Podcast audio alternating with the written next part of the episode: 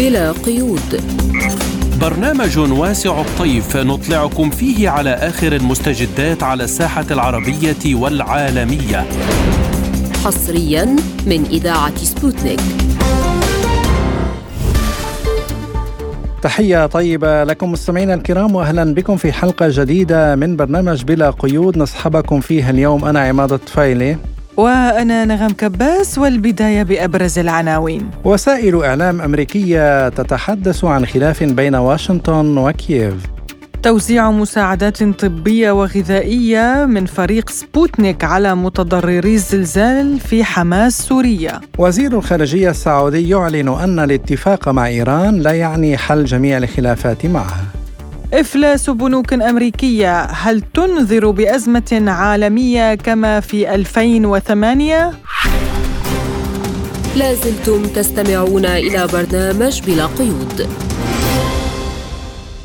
ونبدأ بالشأن الأوكراني حيث كشفت وسائل إعلام أمريكية عن نشوء خلافات وتوترات جديدة بين الولايات المتحدة الأمريكية وأوكرانيا وذلك بسبب عمليات تفجير أنابيب غاز التيار الشمالي ونقلت عن مسؤولين أمريكيين أن مواضيع وقضايا عدة تسببت بالتوترات بين واشنطن وكييف وبينها التخريب الحاصل في خط أنابيب السيل الشمالي ومعركة أرتيوموفسك أو باخمود بالأوكرانية ورغمت أوكرانيا باستعادة شبه جزيرة القرم ما يمكن أن ينذر بخلافات متزايدة وانقسام كبير في واشنطن وكييف. حول كيفية إنهاء الصراع العسكري مع روسيا. وبحسب المسؤولين الأمريكيين فإن الوحدة بين واشنطن وكييف هشه حيث يشعر الكثيرون في إدارة الرئيس الأمريكي جو بايدن بالقلق من أن أوكرانيا تنفق الكثير من القوى البشرية والأسلحة في معركة بخموت مما قد يؤدي إلى عدم قدرة القوات المسلحة الأوكرانية على شن هجوم مضاد كبير في الربيع. وللحديث عن هذا الموضوع ينضم إلينا عبر الهاتف الأكاديمي والباحث السياسي الدكتور محمد الديهي، أهلا بك دكتور معنا في هذه الحلقة من بلا قيود. أهلا بحضرتك وبالسادة المشاهدين آه، الكرام آه، وبالأستاذ عماد وبالجميع في المسجد. شكرا لك. يعني أبدأ من هذه التصريحات التي كشفت عنها وسائل إعلام أمريكية نقلا عن مسؤولين أمريكيين بأن هناك توتر بين كييف وواشنطن بسبب عملية تفجير خط أنابيب الغاز السيل الشمالي اثنان. آه، هل تعتقد أن ذلك سيؤثر على الأزمة بشكل عام وأن أمريكا ربما آه، تخفف من الإمدادات العسكرية لنظام كييف؟ طيب خلينا نتفق في البداية أن نظام كييف أصبح نظاما تابعا آه، بصورة كبيرة جدا وربما هذا ما تحدثت عنه التصريحات الغربية ويعني آه، المحللين حتى الغربيين أنفسهم حينما خرجت صورة الرئيس آه، الأوكراني وهو آه، خاضع للرئيس آه، الأمريكي أثناء زيارته الأخيرة إلى كييف. ولكن نتحدث الآن عن مشهد جديد وهو حديث حول توتر في العلاقات بين الطرفين. ولكن فكرة خضوع أوكرانيا أو الرئيس الأوكراني الذي أخضع بلاده للهيمنة الأمريكية بصورة كبيرة هو جزء رئيسي من من تفسير هذا المشهد. استمرار زينسكي في الحكم سيجعل أي مشكلات ربما ليست بالصورة الرئيسية أو الصورة آه التي آه بجدوى خاصة أننا لاحظنا على سبيل المثال أن هناك كان فساد داخل الجيش الأوكراني، كانت هناك ملفات كثيرة ولم يعاقب المسؤولون عنها ولكن على ما يبدو أن آه، الرئيس الأوكراني أو الرئيس زينسكي لديه أهداف من ذلك وربما هي التوجيهات التي ربما آه، يعني أو الدعم الأمريكي لن يقل ولن يتراجع خلال الفترة الأخيرة لأن الهدف الأمريكي ربما هو واضح بصورة كبيرة جدا وهو استنزاف روسيا أكثر في هذه العملية وإن كانت روسيا لم تستنزف بل حققت مكاسب كبيرة جدا على الأرض في العملية العسكرية وكذلك حتى اقتصاديا أصبح هناك مكاسب اقتصادية لروسيا لأن الاقتصاد الروسي لن يتضرر بالصورة التي توقعها الكثير من الدول الأوروبية برغم العقوبات التي فرضت على الطرف الروسي. أيضا آه، العلاقة بين آه، كييف الحالية وبين آه، الولايات المتحدة تجعل الولايات المتحدة أو تجعل من الضروري استمرارية الدعم الأمريكي لكييف لإطالة أمد هذه العملية خاصة أن الولايات المتحدة أصبحت بها أزمات اقتصادية عديدة منها إفلاس بنوك منها أزمات سيولة مالية. بات الآن يعني عملية حتى رفع الفائدة على الدولار وبدأ الحديث الآن في المجتمع الدولي عن البحث عن عملات بديلة أو التعامل بالعملات المحلية بين الدول بعضها وبعض. هي وسيلة أخرى لحل هذه المعضلة التي باتت تضع فيها الولايات المتحدة المجتمع الدولي وتضغط بها من خلال هذه السياسة على اقتصاديات الدول. لذلك الولايات المتحدة مصلحتها الرئيسية هي إطالة هذه الأزمة وإن كان هناك إشكالية مثل هذا في اعتقادي أن الولايات المتحدة ستسعى لحل هذه الإشكالية خاصة أن زينسكي بات مواليا بصورة كبيرة جدا إلى الولايات المتحدة وتابع لما قد يصدر من البيت الأبيض من آه، تعليمات أو غيره. نعم دكتور محمد يعني دعا الرئيس السابق لمؤتمر ميونخ للأمن إلى إطلاق عملية للسلام في أوكرانيا مشيرا إلى ضرورة تشكيل مجموعة اتصال لهذا الغرض. يعني السؤال ما هي خلفيات هذه الدعوة؟ هل نضجت الظروف للسلام في أوكرانيا برأيك؟ ليست الظروف التي نضجت في أوكرانيا ولكن هل أصبح هناك الرغبة الحقيقية لدى الدول الغربية لإتمام هذه العملية؟ يعني كانت هناك مبادرات سلام أطلقت في السابق آه، على سبيل المثال تركيا أطلقت في فترة من الفترات وراعت حوارات سلام الصين أعلنت استعدادها آه، التوسط لمبادرات سلام آه، البرازيل أيضا أعلنت آه، استعدادها للتوسط والرئيس لولا سيلفا اعلن أثناء زيارة الرئيس المستشار الألماني إلى بلاده بأنه مستعد للتوسط في عملية سلام بين الطرفين. الرئيس المصري عبد الفتاح السيسي أعلن كذلك خلال مؤتمر التغير المناخي هنا في شرم الشيخ، إذا نتحدث أن هناك كثير جدا ممن دعوا لضرورة إيجاد عملية سلام وطرح عمليات سلام ولكن هنا نتحدث عن الرغبة خاصة الرغبة الأمريكية وهي محرك رئيسي والرغبة الغربية في هذا الأمر وجدية المواقف آه، الأوروبية وأيضا الموقف الروسي في هذه آه، المفاوضات. إلى ماذا سنصل؟ أو إلى ما هي الطموحات التي يمكن كليهما أو نقطة آه، الحياد التي يمكن على الأطراف التوسط هل يمكن للدول الغربية أن تقف الدعم عن أوكرانيا للتوصل لعملية سلام. هل يمكن لروسيا أن تتراجع عما وصلت إليه من إنجازات آه، ومقدرات خاصة أن النظام آه، الأوكراني ما زال يحدد الأمن القومي الروسي؟ نحن نتحدث عن إشكالية صعبة ومعقدة أيضا للغاية. نتحدث أيضا عن دور آه، يعني مصالح تلعب بهذه العملية.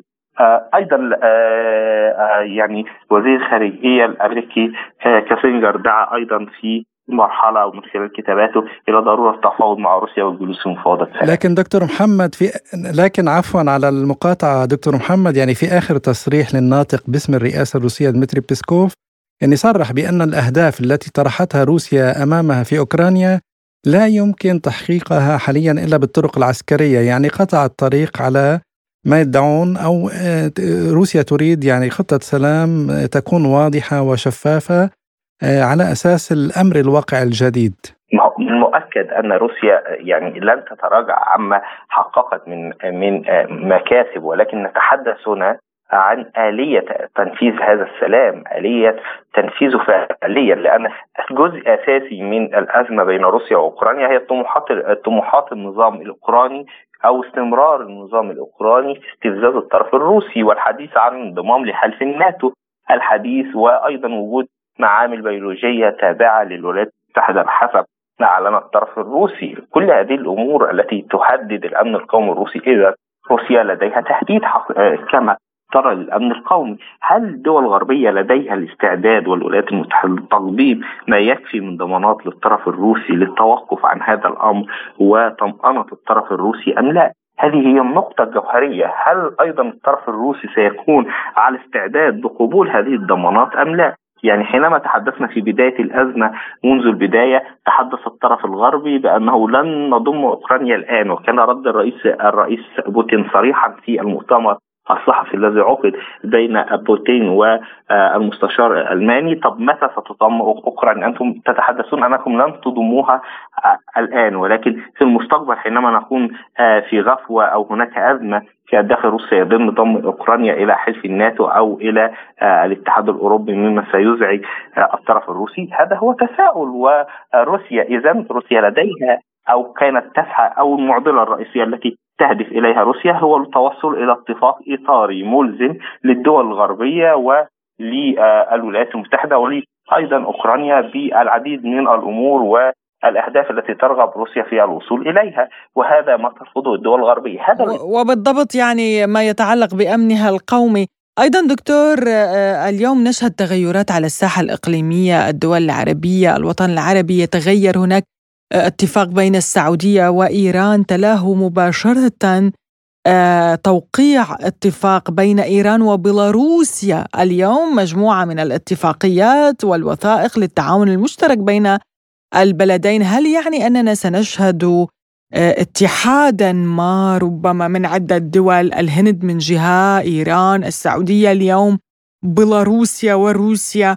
وكيف سيؤثر ذلك على الأزمة الأوكرانية وسرعة الحل؟ دول الجنوب عموما وهنا ساستطرح الجنوب في آه، يعني تعريفي لهذه الدول ليست الدول العربيه ولكن دول الجنوب عموما سواء كنا نتحدث في آسيا في أفريقيا في لاتين أمريكا أو في أمريكا اللاتينية نتحدث عن كثير جدا من دول آه، الجنوب. هذه الدول أو دول الجنوب تعي الآن أن الولايات المتحدة الأمريكية والمجتمع الغربي يرغب تورطها في أزمة هم ليس لهم ناقة أو جمل بها.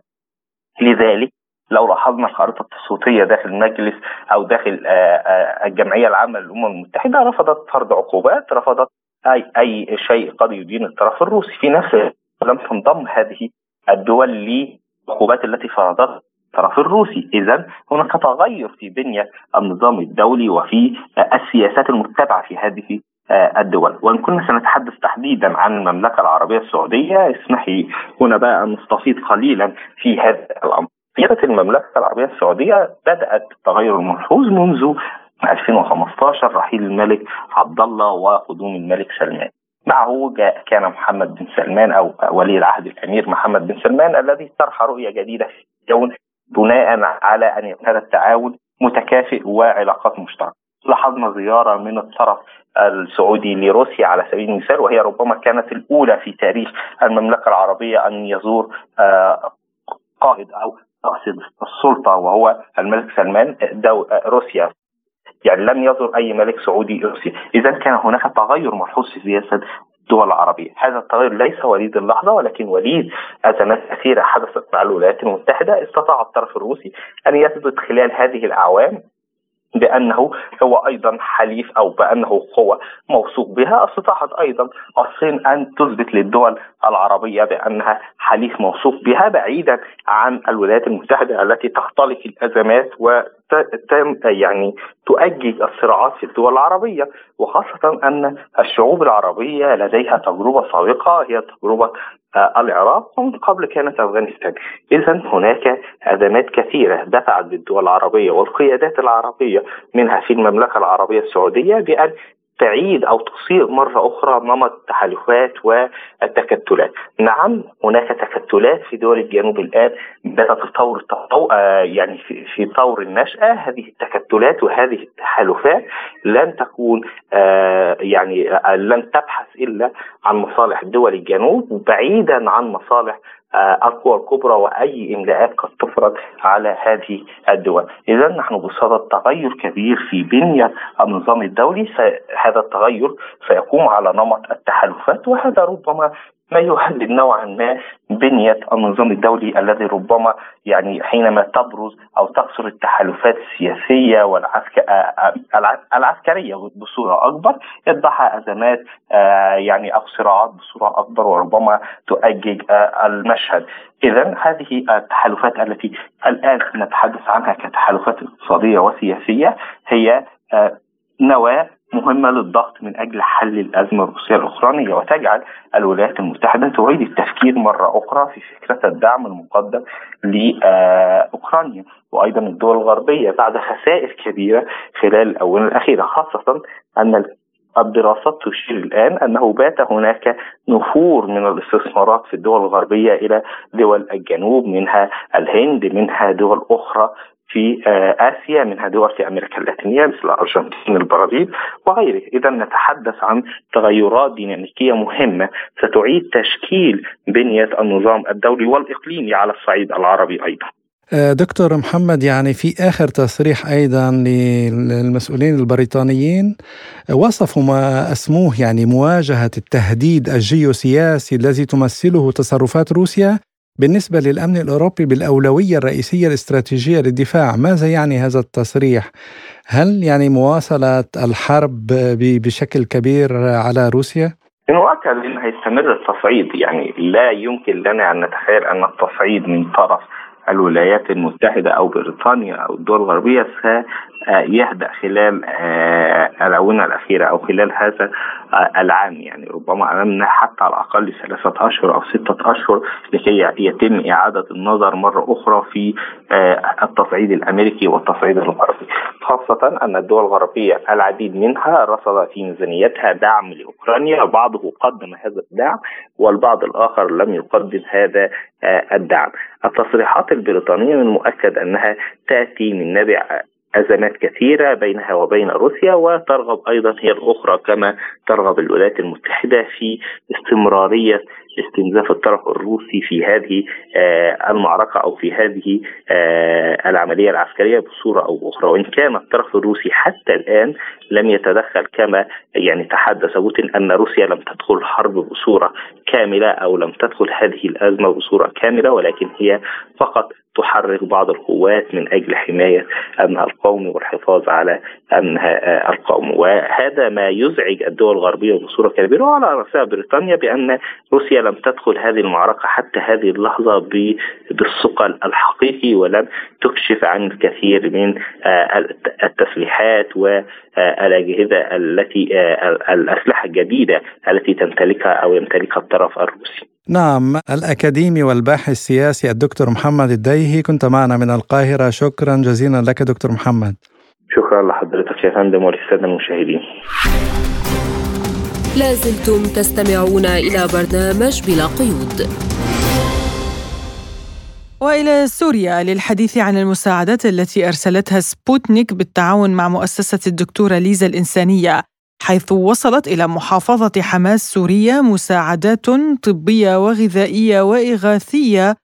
التفاصيل مع مراسل سبوتنيك هناك. وصلت يوم أمس شاحنة مساعدات إنسانية مقدمة من وكالة سبوتنيك الروسية بالتعاون مع مؤسسة ليزا الخيرية. هذه الشاحنة وصلت إلى محافظة حماة وتحديدا إلى الهيئة العامة لمستشفى حماة الوطني. هذه الشاحنة تحوي معدات طبية ومواد غذائية وأدوات صحية تم تسليمها إلى إدارة المستشفى بشكل مباشر. تأتي هذه المساعدات ضمن الحملة التي أطلقتها وكالة سبوتنيك بالتعاون بالتعاون مع مؤسسة ليزا الإنسانية وذلك لتأمين أكبر عدد ممكن من التبرعات والمساعدات الإنسانية لمتضرري الزلزال الذي ضرب سوريا في السادس من شباط الماضي. هذه المساعدات تم تسليمها إلى إدارة المشفى والتي بدأت بدورها في إعادة توزيعها على أقسام مستشفى حماة الوطني والذي يقدم خدمات طبية لأكثر من أربعة ملايين نسمة يقطنون في محافظة حماة ريفا ومدينة بالإضافة إلى الوافدين من المحافظات الأخرى. هذه المساعدات تأتي لرفع جاهزية المشفى ولتقديم الخدمات الطبية والصحية للمتضررين من الزلزال ولرفع الجاهزية بشكل عام وذلك استجابة لأي طارئ قد تشهده البلاد خلال الأيام القليلة القادمة. وقال مدير التخطيط الخارجي في مؤسسة الدكتورة ليزا الإنسانية فلاديمير خفشابو إنه تم اليوم تسليم مستشفى حمال وطني كميات من الأدوية دعما له في تقديم الخدمات العلاجية الإسعافية للمصابين جراء الزلزال وغيرهم من المرضى الذين يحتاجون هذه المساعدات من الأدوية والعقاقير الطبية.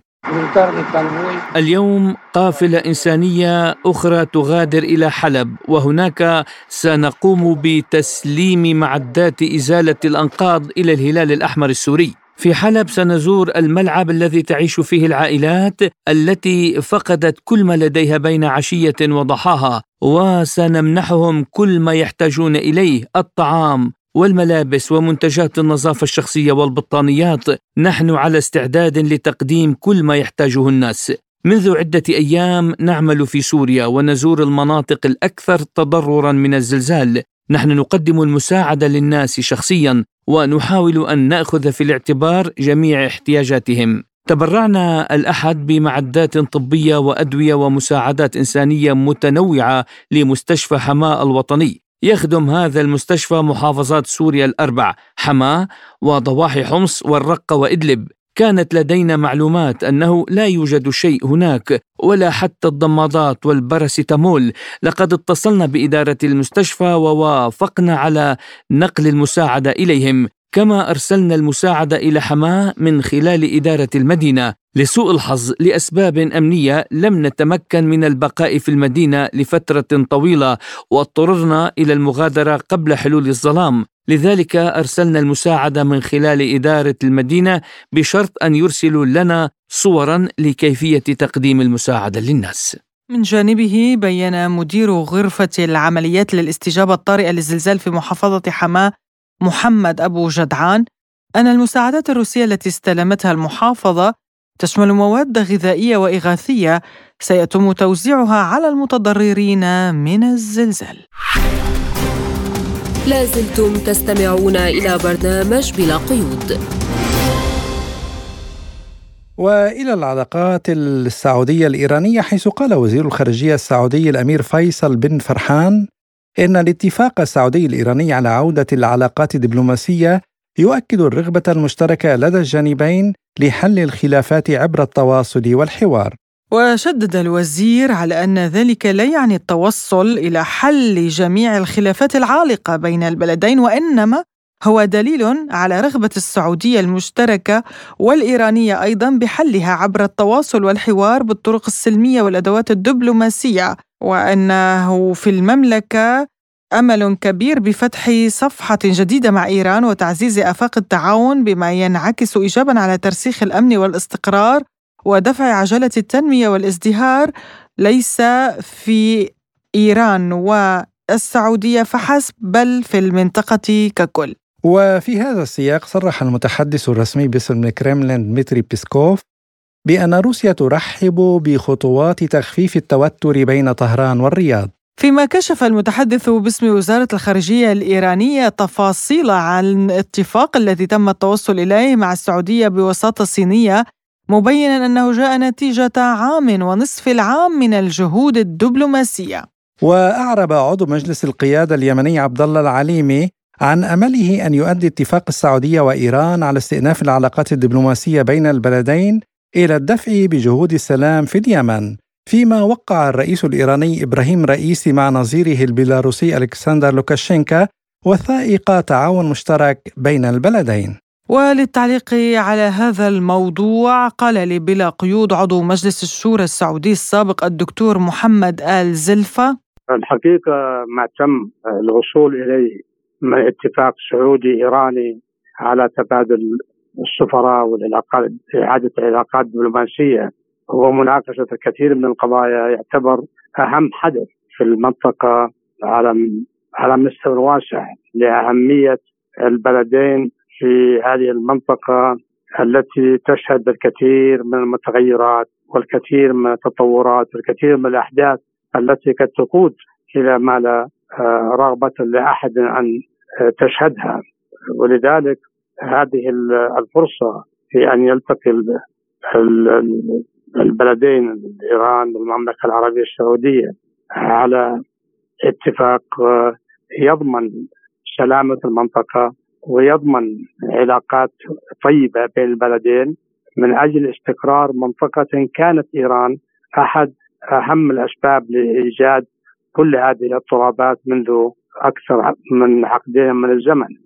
يبدو أن إيران أدركت أخيرا أن من مصلحة أن لا تستمر في تأجيج الأوضاع في المنطقة فقد تكون آثارها وخيمة جدا ليس فقط على إيران إنما على المنطقة ككل ولذلك المعادلة الثانية في المنطقة هي المملكة العربية السعودية التي أيضا تشارك كل من يرغب أن تستقر أوضاع هذه المنطقة بل وتعمل على استقرار المنطقة بكل الوسائل وهذه سياسة المملكة العربية السعودية ولكن يبدو أن إيران في فترة معينة اعتقدت أنها بنفوذها وب خلق أذرع لها في المنطقة وبما أحدثته في هذه المنطقة من من متغيرات كثيرة. تعتقد أنها ستنجح في في مشروعها كما كانت تقول. مشروع التوسع مشروع خلق الفتن المذهبية مشروع كذا. ولكن ال ال الذي حصل أن كل مكان أمتدت إليه إيران. شهد كثير من الأوضاع السيئة. سوريا مفككة لبنان آه، تقريبا على وشك افلاس وبيع دولة. اليمن يعيش ظروف أتعس الظروف على ما هو في على ما هو عليه من تعاسه وعن سؤال حول إمكانية التأثير الإيجابي على حل ملفات المنطقة بعد تطبيع العلاقات السعودية الإيرانية يقول آل زلفة. أعتقد أن بالإمكان إذا صدقت النوايا من قبل إيران أما المملكة العربية السعودية هي صادقة النوايا وتحرص على استقرار المنطقة. وتعرف أن الذي أجج المشاكل في المنطقة هي إيران. فما دام إيران وصلت إلى قناعة بالاتفاق مع المملكة العربية السعودية على إزالة كل المعوقات وكل كل المشاكل في هذه المنطقة. فهذا هذه خطوة رائعة ولها تأثيرها الإيجابي على المنطقة وعلى البلدين وعلى الاستقرار وعلى النمو بدل صراع الصراعات والحروب والمشاكل. ولذلك أنا أعتقد أن المملكة العربية السعودية صادقة النوايا وإيران يبدو أنها أدركت ليس أمامها إلا أن تكون في علاقة جيدة مع السعودية من أجل آه، آه، أمن منطقة وبما فيها أمن إيران. إيران تتعرض لكثير من المشاكل مشاكل في الداخل حصار بالخارج ضغوط من دول مختلفة. فاذا هي صادقة النوايا أعتقد أنها ستخرج من مشاكلها بالتعاون مع المملكة العربية السعودية. وبهذا الاتفاق الذي الطرف الثالث في هذا الاتفاق هي الصين. والصين دولة مؤثرة دولة دولة عظمى. وأكيد الصين لها مصالح في المنطقة. لا تريد أن تشهد المنطقة المزيد من الصراعات أو تصعيد الصراعات إلى ما هو أكبر خلق حرب في المنطقة. ليس في صالح لا الصين ولا المنطقة ولا الاقتصاد العالمي. وهذا ما يجعل آه، الناس تتفائل بهذا الاتفاق. كلنا نتفائل بهذا الاتفاق. وأعتقد صحيح إيران بنظامها العجيب هذا آه، قد لا لا يكون مصدر يعني لا يكون نظام موثوق به. ولكن أعتقد ما دام من الطرف الثالث الصين آه، دولة عظمى وستكون شاهدة على ما تم الاتفاق عليه ما هو معلن وما لم يعلن وما سيكون له من تأثير إيجابي على هذه المنطقة. فأنا أعتقد أن المنطقة ستصل إلى إلى حلول وإلى إزاحة كل ما تشهده من مشاكل داخلية وما تهدد من الخارج بإعلان حرب على إيران أو النووي أو إلى آخره. فأعتقد إن هذه خطوة جدا جميلة وستؤدي إلى نتائج إيجابية إذا صدقت إيران ولكن لا أعتقد إنها ستتخلى عن ما تم الاتفاق عليه بشهادة الصين لأن الصين دولة عظمى. وعن إمكانية تعزيز دور الصين بعد نجاح مبادرة الوساطة للاتفاق بين السعودية وإيران قال آل زلفة أعتقد الصين تبحث أن أن يكون لها موقع قوة عظمى بديلة عن تلك القوى العظمى التي تاريخيا لها وجود في هذه المنطقة ولها مصالح. ولكن يبدو أن تلك القوى العظمى التقليدية بما فيها وآخرها الولايات المتحدة الأمريكية وقبلها بريطانيا وأيضا فرنسا أوروبا بصفة عامة أعتقد أنهم وصلوا إلى درجة أنهم لا يستطيعون أن يعملوا شيء. حتى في تقريب وجهات النظر لأنهم دائما يديرون المشاكل ولا يحلون المشاكل. آه الآن أعتقد الصين آه صاحبة مصلحة طاقتها وصناعاتها وتقدمها يعتمد على الطاقة والطاقة معظم طاقة الصين كلها تأتي من هذه المنطقة سواء من الخليج العربي بدولة دولها المتعددة وعلى رأس السعودية أو حتى إيران. آه الصين أكبر شريك تجاري مع المملكة العربية السعودية والخليج لدرجة أنها تفوق شراكة هذه المنطقة مع الولايات المتحدة الأمريكية، فلذلك هي حريصة على أن تزدهر هذه المنطقة وتعيش أمن واستقرار لأن في ذلك مصالح مصلحة كبرى للصين. نعم هذا الصين تعمل أيضا لأجل مصلحتها في الدرجة الأولى ومن أجل مصلحة أصدقائها لأنها شريك سواء للمملكة أو لإيران. ولذا المملكة وإيران يبدو لي اختيارهم للصين. آه، كشاهد وعلى آه، على هذا الاتفاق إنه توجه موفق لأننا جربنا أمريكا جربنا اوروبا جربنا كذا ما لا يمكن يصل على أيديهم حل. هذه أعتقد أهمية وجود الصين كشريك في هذه المصالحة. طبعا المملكة العربية السعودية وإيران تربطها علاقات أيضا مع مع مع روسيا وأكيد يعني وزير الخارجية السعودي قبل أن الدولي أو الوفد كان في الصين الوفد السعودي والإيراني في الصين يبدو أن زيارته الخاطفة إلى إلى روسيا أنه أيضا آه، آه، جعلها في الصورة. أمريكا تقول أيضا كنا على علم. أنا ما أدري أمريكا يعني كلام كأنها تقول آه، هي هي فوجئت بهذا الاتفاق. فتريد أن تقنع شعبها أو تقنع أحد باننا أنا على علم من هذا ولكن هل هي محبة للصين أو محبة لاستقرار هذه المنطقة هي هي هي موقفها موقف مؤجج للمشاكل وليس لحل المشاكل.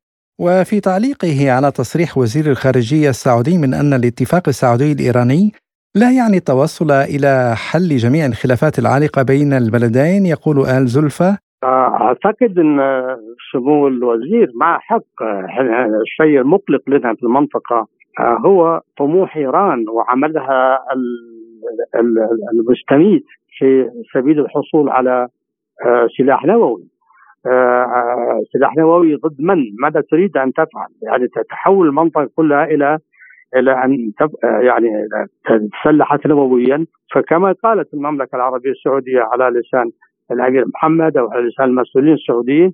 إذا تسلحت إيران نوويا فنحن سنتسلح نوويا. وهذه مشكلة. نحن لا نريد منطقة تعيش على بركان آه، أسلحة نووية. فأنا أتصور إذا كان إيران آه، تقول والله نحن نريد آه، يعني طاقة نووية يساهم فيها سواء روسيا ولا الصين ولا غيرها. لكن بالأغراض السلمية نفس الشيء. السعودية تعمل على مثل هذه الأشياء الطاقة للأغراض السلمية.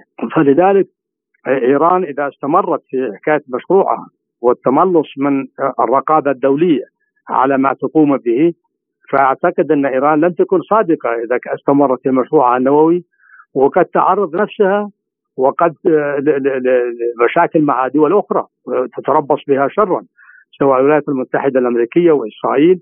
وربما إذا استمرت في حكاية الحصول على سلاح نووي أن الكل في المنطقة سينحاز إلى جانب من يعني يصف إلى جانب عدم تمكن إيران من الحصول على سلاح نووي هذا واضح ولا أنا أعتقد إن الاتفاق في في بكين بين الوفدين إن هذا الأمر لم يكن غائبا لأن ليس من مصلحة المنطقة ولا من مصلحة العالم آه، أن أن تملك إيران سلاحا نوويا. كان هذا تعليق عضو مجلس الشورى السعودي السابق الدكتور محمد آل زلفا.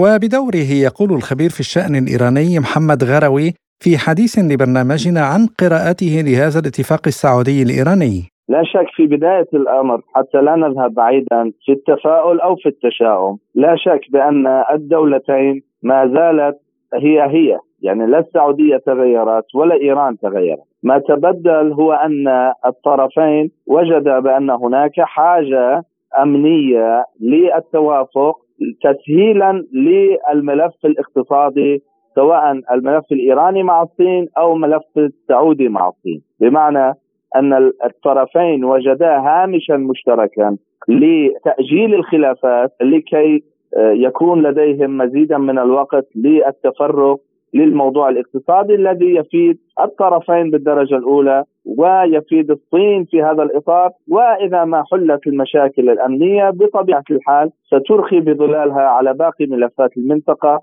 سواء في لبنان أو في اليمن أو في العراق أو في سوريا. لا شك بأن ما جرى آه، هو آه، نقطة تحول كبيرة في هذه العلاقة لكن آه، نجاحها أو عدم نجاحها هو رهن الأيام نحن عندما نقول بأن الطرفان أعطيا لبعضهما البعض آه، شهرين من الوقت يعني بأننا يجب أن ننتظر هذين الشهرين لينتهي وعليه آه، يمكن أن نعرف إلى أين ستسير الأمور. بمعنى إذا سارت أمور افتتاح السفارات سواء في الرياض أو في طهران بسلاسة يمكن أن نعول أن هذا الموضوع جار على قدم وساق. بمعنى آه، إذا ما يعني وبعدها إذا ما التقى وزيري الخارجية آه، الإيراني والسعودي أيضا هذه نقطة إيجابية. وبعدها إذا ما حصل هناك لقاء قمة ونحن آه، ربما من المبكر أن نتحدث عن لقاء قمة إيراني سعودي لكن هذه كلها من ضمن الإيجابيات التي يجب أن ننتظرها خلال الشهرين القادمين. لذلك على هذه الإيجابيات يمكن يمكن أن نبني التفاؤل الكبير الذي يمهد لباقي ملفات المنطقة الذي يمهد للعلاقات الثنائية الإيجابية.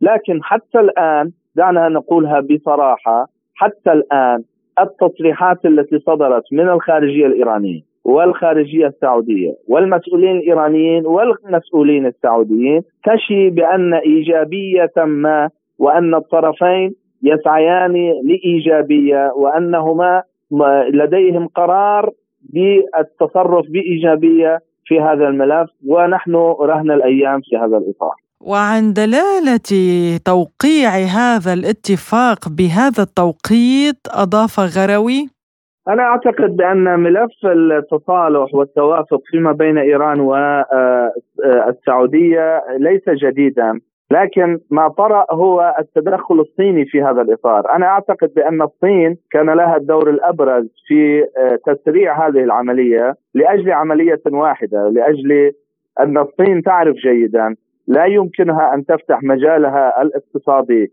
مع السعودية دون أن يكون هناك مظلة أمنية في المنطقة منطقة الخليج الفارسي، وهذه المظلة الأمنية لا يمكن للصين أن يعني تعتمد عليها دون آه، موافقة إيران ودون أن تكون إيران جزءا من الحل في هذه المنطقة المنطقة الأمنية. بمعنى آخر أمن الممرات لا شك أن أمن الممرات وأمن مضيق هرمز هو أولوية بالنسبة للصينيين ولا يمكن ضمان هذا الأمن دون موافقة إيران، دون أن تكون إيران واحدة بل أهم آه، عنصر فعال في حفظ هذا الأمن آه، في هذه المنطقة لكي تبني الصين علاقاتها الاقتصادية سواء مع السعودية أو مع غيرها من الدول. يعني أنا يوم الذي جاء الرئيس الصيني إلى السعودية قلتها عبر الإعلام بأن لا يمكن للصيني أن يبني شراكة استراتيجية مع السعودية دون موافقة إيرانية دون ضوء اخضر إيراني لأن إيران هي التي آه، تمسك بزمام المبادرة في هذه المنطقة. ومن دون إيران لا يمكن لأحد أن يبني شراكة استراتيجية. هذا ما رآه الصيني جيدا وعرف من أين يبدأ الحال فهو ذهب إلى أهم دولتين في المنطقة تستطيعان من خلال التوافق أن تصلان إلى شراكة أمنية واستتباب للأمن في هذه المنطقة وهذا ما بدأ آه، خلال هذه المرحلة وسيتطور في المرحلة القادمة إن شاء الله. وهل يمكن للتطبيع السعودي الإيراني أن يوجه ضربة للهيمنة الأمريكية في المنطقة يقول غروي؟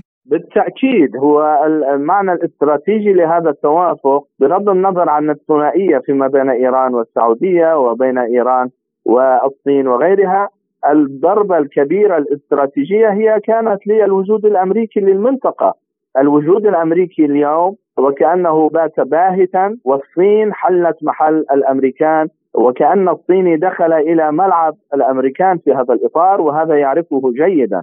الأمريكي بات واضحا بأنه غير ممسك بهذه الملفات ولديه ضعف في إمساك ملف الشرق الأوسط، لذلك رأينا بأن الصيني دخل بقوته الاقتصادية إلى هذه المنطقة ولهذا تبعات أيضا ربما آه، آه، يعني انزعاج الأمريكي قد يخلخل هذا التوافق، ربما الأمريكي يذهب بعيدا في الوقوف ضد هذا التوافق أو هكذا نوع من التوافقات. بالإضافة إلى العدو الإسرائيلي الذي واضح جدا أنه مزعوج جدا من هذا التوافق لأن أحس بأن السعودية أفلتت من يدها وباتت في الملعب الآخر، نحن ننتظر كما قلت الأيام القادمة رهن التطورات، رهن الأيام لنرى كيف ستكون ردة الإسرائيليين ورده فعل الأمريكان تجاه هذا الموضوع، ربما قد يذهبوا بعيدا في توتير هذه العلاقة دق التفين فيما بين العلاقة الإيرانية السعودية مع الصين في هذا الإطار.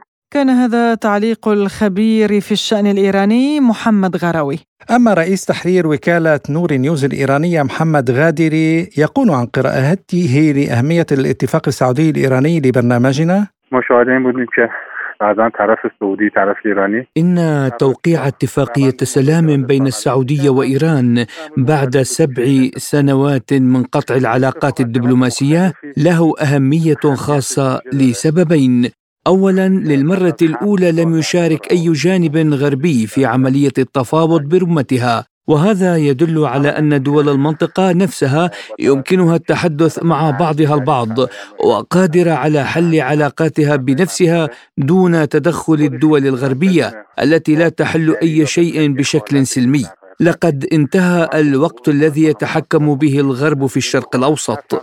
في عملية التفاوض التي جرت بين الجانبين الإيراني والسعودي في الأشهر القليلة الماضية لعب العراق وسلطنة عمان دورا معتدلا لأنهما دولتان في المنطقة. ثانيا إن توقيع اتفاق اليوم يبعث بإشارة إلى أعداء الجمهورية الإسلامية ومعارضي السلام والأمن في منطقة الشرق الأوسط بأن إيران هي أبعد ما تكون عن البلد الذي يؤلفون عنه حكاياتهم من خلال وسائل الإعلام المنحازة ويظهرون إيران كبعبع شرير لإخافة شعوب وحكومات دول المنطقة. فإيران مع أنها تخدم مصالحها الوطنية هي مستعدة دائما لأي مفاوضات ويؤكد ذلك تتويج هذه الجهود بإبرام اتفاق سلام مع السعودية. من رد الفعل العنيف من قبل رئيسي الوزراء الإسرائيليين السابقين نفتالي بنيت ويائير لبيد يمكن القول بكل ثقة إن إسرائيل غير راضية للغاية عن هذه الصفقة الإيرانية السعودية وتشعر بالقلق. كانت جهود إسرائيل الخاصة في السنوات الأخيرة هي محاولة التلاعب بالفضاء السياسي لصالحها. وخلق الانقسامات وتعميق الهوه بين إيران ودول الخليج. لسوء الحظ استسلمت بعض دول المنطقة لهذه الحيل وساهمت في خلق هذه البيئة المواتية لإسرائيل. ونتيجة لذلك تمكنت إسرائيل من استخدام ذلك لإضعاف الأمن في الدول العربية وفي المنطقة. ولكن ما حدث اليوم عطل خطط إسرائيل العالمية. إن توقيع اتفاق بين طهران والرياض لن يؤدي إلا إلى تعزيز العلاقات بين إيران ودول الخليج وتعزيز الأمن وتحقيق السلام والاستقرار وتقليص قوة إسرائيل بشكل لا لبس فيه في العديد من منصات التفاوض. علاوة على ذلك يمكن توقع أن تتطور العلاقات في منطقة غرب آسيا بين دول العالمين العربي والإسلامي حتى بدون تدخل الدول الغربية. كان هذا تعليق رئيس تحرير وكالة نور نيوز الإيرانية محمد قادري. لازلتم تستمعون إلى برنامج بلا قيود. وإلى موضوعنا التالي عن إفلاس بنوك أمريكية حيث أغلق المنظمون الأمريكيون بنك سيجنتشر ومقره نيويورك وهو مقرض كبير في صناعة العملات الرقمية في محاولة لمنع انتشار الأزمة المصرفية. وأعلنت إدارة الخدمات المالية في ولاية نيويورك الاستحواذ على البنك وألحقت صفة المستلم بالمؤسسة الاتحادية للتأمين على الودائع وذلك في ثاني حالة إفلاس لبنك في غضون أيام. وقالت إن المودعين في بنك سيجنتشر سيكون لديهم حق الوصول الكامل إلى ودائعهم وهي خطوة مماثلة لضمان المودعين في بنك سيليكون فالي الذي أعلن إفلاسه قبل ثلاثة أيام بعد أن أغلق المنظمون بنك سيليكون فالي وصادروا ودائعه في أكبر فشل مصرفي أمريكي منذ الأزمة المالية لعام 2008 وثاني أكبر فشل على الإطلاق. وأعلنت الحكومة البريطانية أن الذراع البريطانية للبنك الأمريكي المفلس سيليكون فالي بيعت إلى بنك HSBC في عملية بيع خاصة تحت إشراف بريطانيا وبنك إنجلترا. بدورها قالت المتحدثة باسم وزارة الخارجية الروسية ماريا زخارفا إن واشنطن ستسبب بالمزيد من المشاكل في العالم من خلال محاولة الحفاظ على استقرار نظامها المصرفي وإنه بالورق والألوان سوف تطبع واشنطن مزيدا من الدولارات غير المضمونة الأمر الذي سيؤدي إلى المزيد من المشاكل في العالم. حول هذا الموضوع قال مراد بشيرف الأستاذ في المدرسة العليا للاقتصاد لسبوتنيك. الأمريكيون في ورطة. في الولايات المتحدة هناك قصة خطيرة للغاية تتكشف مع البنوك. منذ حوالي ثلاثين ساعة سقط أحد البنوك التي كانت في قمة العشرين. وتم تغطيته بسرعة كبيرة. اليوم اغلقوا البنك الثاني. وقد تعرض البنك الثالث أيضا للوقوع ولكن تم ضخه بسيولة نقدية من جيبي مورغان. يجتمع مجلس الاحتياطي الفيدرالي بشأن هذا الأمر وسيخاطب بايدن الأمة. سبق أن أعلن رئيس جيبي مورغان أن النظام المالي الأمريكي سيتعرض للاقتحام وهذا سيشكل عاصفة عندئذ ينظر الجميع بالطبع إلى هذا الوضع بكل قلق. ليس أمام بايدن الآن طريقه أخرى سوى إغراق النظام المالي بالمال مع الأخذ بعين الاعتبار كل الإنفاق على أوكرانيا وعلى الصناعات غير المشروعة من ألمانيا. ومن المشكوك فيه جدا أن يكون لديه ما يكفي من المال حتى لو كان لدى الاحتياطي الفيدرالي مطبعة خاصة للمال. حكومة الولايات المتحدة المتحدة لم تعتمد ميزانية بعد وإلى الآن هناك أكثر من ستة تريليونات دولار بينما يطلب الجمهوريون تخفيضها. ولكن بايدن ساهم في زيادة الميزانية. لم يخفض الإنفاق على البنتاغون لمساعدة أوكرانيا. لذلك فإن الجمهوريين الآن يخنقون الديمقراطيين ويخنقون أيضا بايدن مطالبين بخفض بنود الإنفاق. طالما إذا استمرت هذه القصة ونفدت الأموال التي كانت مخصصة للحكومة الأمريكية في إطار الميزانية السابقة فسوف يتم إنفاقها على شكل واحد من 12 من الميزانية الافتراضية. وهذا في الواقع فقط لصيانة جهاز الدولة. وسيتم تجميد جميع بنود الإنفاق الأخرى بما في ذلك البنود الاجتماعية. وبدوره قال المحلل الاقتصادي والمالي صلاح سلطان بهذا الصدد إن أحد أهم أسباب هذا الإفلاس هو رفع أسعار الفائدة وضعف إدارة الأصول. موضوع الانهيار الثلاث المؤسسات المالية اللي هما سيجنتشر بانك اللي متخصص في تمويل الفرص العقارية والشركة الثانية سيليكون فالي بانك اللي هو متخصص في تمويل القطاع ال venture capital أو الاستثمار الجريء كما يقال. والشركة الثالثة طبعا سيلفر جيت أيضا متخصصة في التمويل أو مجالات العملات الرقمية. السبب الرئيسي هو ارتفاع أسعار الفوائد أثرت بشكل مخيف على هذه الثلاث قطاعات كلها. السبب الثاني عدم ثقة المستثمرين في ثلاث هذه المؤسسات. فلما المستثمر يأتي ويسحب وديعته بهذا الشكل مخيف فهذا معناته الثقة غير موجودة. رقم ثلاثة قيام هذه المؤسسات ببيع جزء من أصولهم لاسترداد أموال المودعين وتحقيق خسائر بهذا الشكل في ميزانيتهم في 2022 فهذا فعلا كارثة كبيرة جدا إيش معناته هذا؟ معناته إن الهيئات الرقابية لم تكن واعية في موضوع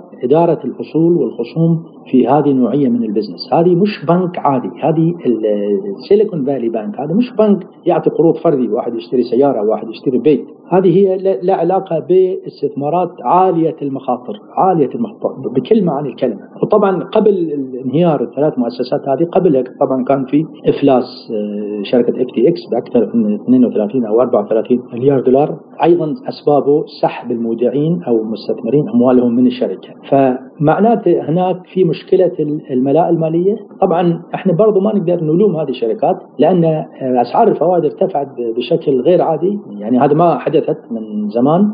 أسعار الفوائد ترتفع ثمان مرات في السنة. فهذه أيضا أحد الأسباب اللي أدت إلى انهيار هذه الشركات يعني خلال 2022 لكن أنا أرى إن هناك في بنوك وفي شركات مالية. إحنا نسميه طبعا البنوك ال regional bank البنوك المتوسطة الحجم. هذه البنوك اللي بتتعثر. طالما هذه البنوك داخلة في هذه النوعية من المنتجات أو تمويل إحنا نسميه رأس المال الجريء أو ال venture capital آه هذه البنوك نعم إنها أو العملات الرقميه لما اسعار الفوائد ترتفع من نصف المئة إلى تقريبا 5% أو فوق ال 5% هذا مش حدث عادي يعني. فالشركات الصغيرة لا تستطيع أن تتجنب الكوارث هذه. بعدين آه، نزول أسعار اسهم الشركات هذه. يعني سيليكون فالي قامت ببيع أصولها لدفع التزامات العملاء. سيجنتشر بنك هذا بنك تمول تمويل عقاري. فهذه أيضا الأسباب اللي تؤدي إلى ارتفاع أسعار الفوائد وانهيار في أسعار العقارات. واعتبر السلطان أن الأزمة مستمرة وسيكون لها عواقب على الاقتصاد العالمي. السؤال المهم الآن إن ما هي النتائج الأخرى. يعني إحنا شفنا الآن أزمة الشركات هذه بعد الانهيار اللي صار في اف تي إكس وبعد الانهيارات اللي صارت في هذه الثلاث الشركات الكبيرة 100 مليار أو 200 مليار دولار. هذه أرقام مش صغيرة. سيليكون فالي مش بنك صغير يعني. فلما بنك في هذا الحجم تنهار هذا معناته إن الأزمة لم تنتهي. واحتمال هناك تظهر نتائج أخرى لشركات أخرى آه، وهذا طبعا يكون له سبب جدا سيء على الاقتصاد الأمريكي وعلى الاقتصاد العالمي بصفة عامة، فإحنا نحتاج الآن اللي يسمونه stress test أو الامتحان مدى تحمل البنوك اللي موجوده في أمريكا أو البنوك حتى في منطقة الخليج على تحمل مثل هذه النوعية من الاستثمارات. لازلتم تستمعون إلى برنامج بلا قيود أفادت وكالة سورية بأن حوامات عسكرية أمريكية نقلت عناصر من داعش من سجن السنوية بالحسكة باتجاه قاعدتها بالشداد تمهيدا لنقلهم إلى التنف بريف حمص الشرقي القريب من الحدود العراقية.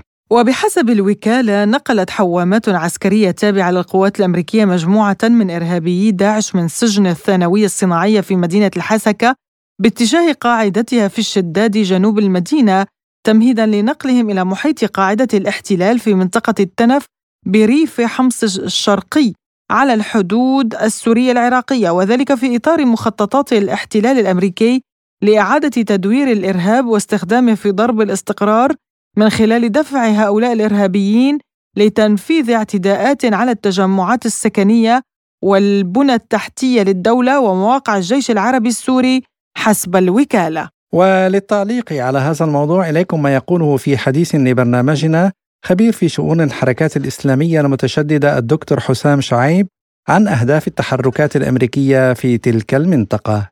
تحية لكم وأيضا شكرا على الاستضافة ولمستمعيكم الكرام كل المحبة والامتنان عمليات النقل التي تقوم بها حوامات ما يسمى بالتحالف الدولي وتحديدا الولايات المتحدة الأمريكية في مناطق الشمال السوري هي ليست الأولى ولكنها تؤكد من جديد على أن الولايات المتحدة الأمريكية هي تستثمر في هذا التنظيم تنظيم داعش الإرهابي وهي أيضا تقوم بدعمه بكافة ما يتعلق بالأمور اللوجستية. وأيضا هي تقوم بالإشراف عليه من خلال أولويات. ترى أنها تخدم مصالحها العسكرية بدليل قيام الحوامات الأمريكية مؤخرا بنقل عناصر آه، داعش إلى مناطق أخرى من الجغرافيا السورية. هذه العمليات تأتي في ظل انفتاح عربي وتحديدا بعد الكارثة الإنسانية نتيجة الزلزال الذي حصل وأصاب الجغرافيا السورية وبالتالي هذا الانفتاح جزء منه كان تحديدا في الانفتاح العراقي على سوريا وأيضا التبادل التجاري القائم.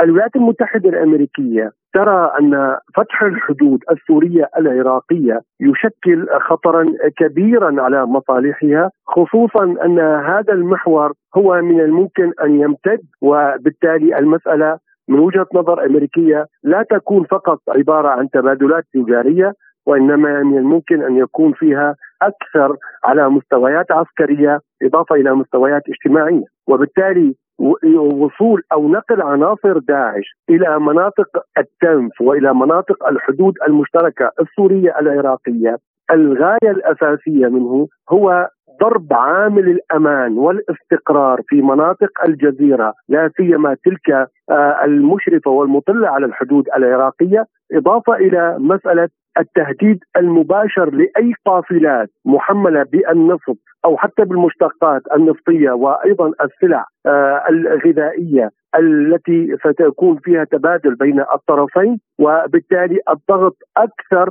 على الدولة السورية من الناحية الاقتصادية.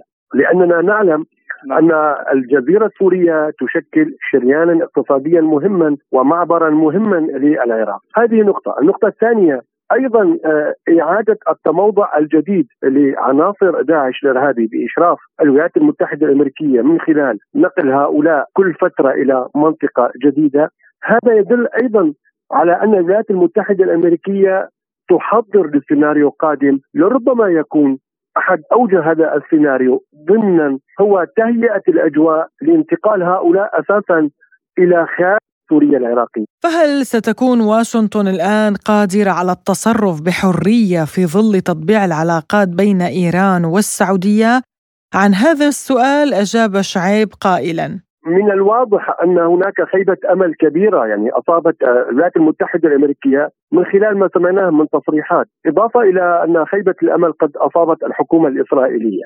الآن الحديث آه، يعني في الأروقة على أن هناك ما يحضر لحرب مفتعلة في المنطقة لعلها مخرجا سياسيا للولايات المتحدة الأمريكية بالدرجة الأولى وحتى لبعض حلفائها في المنطقة وبالتالي السعودية الآن في توقيت سياسي وفي مرحلة حساسة وبعد قطيعة سبع سنوات تعيد العلاقات مع إيران وهذه العلاقات أعتقد آه، أنها بالدرجة الأولى مبنية على مصالح لكلا الدولتين إيران والسعودية. وبالتالي هناك مخاوف لإيران والسعودية وأيضا لدول المنطقة على أن الولايات المتحدة الأمريكية تريد أن تستثمر وتعزز آه، فكرة التطرف والإرهاب بما في ذلك تلك الدول التي تعتبر خليفه لأمريكا ومن الممكن أن يطالها هذا الإرهاب، لذلك رأينا أن الحكومة السعودية